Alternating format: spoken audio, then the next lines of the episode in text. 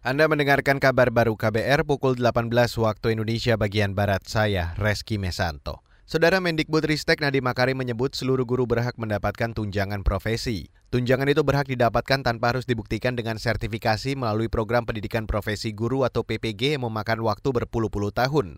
Kata Nadiem, aturan tunjangan itu nantinya akan termuat di rancangan Undang-Undang Sistem Pendidikan Nasional atau RUU Sisdiknas. Sebenarnya aspirasi untuk menghilangkan tunjangan profesi adalah agar mengembalikan guru-guru kita ke dalam Undang-Undang ASN dan untuk yang swasta Undang-Undang Tenaga Tenaga Kerja. Dan dengan itu kita bisa secara otomatis bisa mulai memberikan tunjangan kepada guru tanpa sertifikasi dan tanpa program PPG yang akan memakan waktu 20 tahun lagi untuk selesai.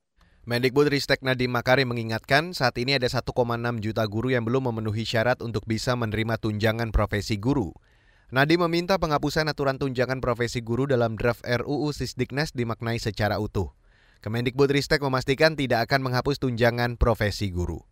Beralih ke berita selanjutnya, Saudara. PT Aneka Tambang atau Antam diminta bertanggung jawab atas beroperasinya 11 perusahaan tambang bawaannya di Konawe Utara, Sulawesi Tenggara. Anggota Komisi Bidang Lingkungan DPR, Alien Mus, mengungkapkan kehidupan masyarakat di Konawe Utara saat ini semakin tidak layak karena belasan perusahaan tambang yang beroperasi mengakibatkan kerusakan lingkungan parah. Tentunya ada basic dan landasan untuk Bapak beroperasi di sana. IUP kah? IPPKH kah? Sehingga terjadinya uh, operasi pertambangan yang ada di sana. Ini yang Bapak lihat sekarang, kita semua komisi sempat lihat sekarang. Coba lihat dari peta geografis aja udah model kayak gitu. Di sana lebih parah lagi. Rusak, hancur, berantakan di sana. Pak, kalau Bapak bilang untuk pencemaran lingkungan tadi di halaman, cara Bapak bilang penanganannya, aku mau bilang bullshit Pak.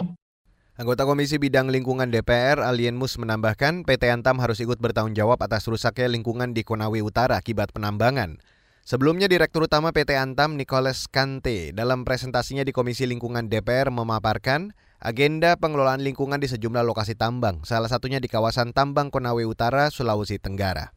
Saudara bekas Gubernur Jambi Zumi Zola kembali dipanggil Komisi Pemberantasan Korupsi atau KPK usai bebas selama 21 hari. Ia dipanggil KPK untuk diperiksa sebagai saksi pengembangan kasus dugaan suap terkait pengesahan RAPBD Jambi tahun anggaran 2017 dan 2018.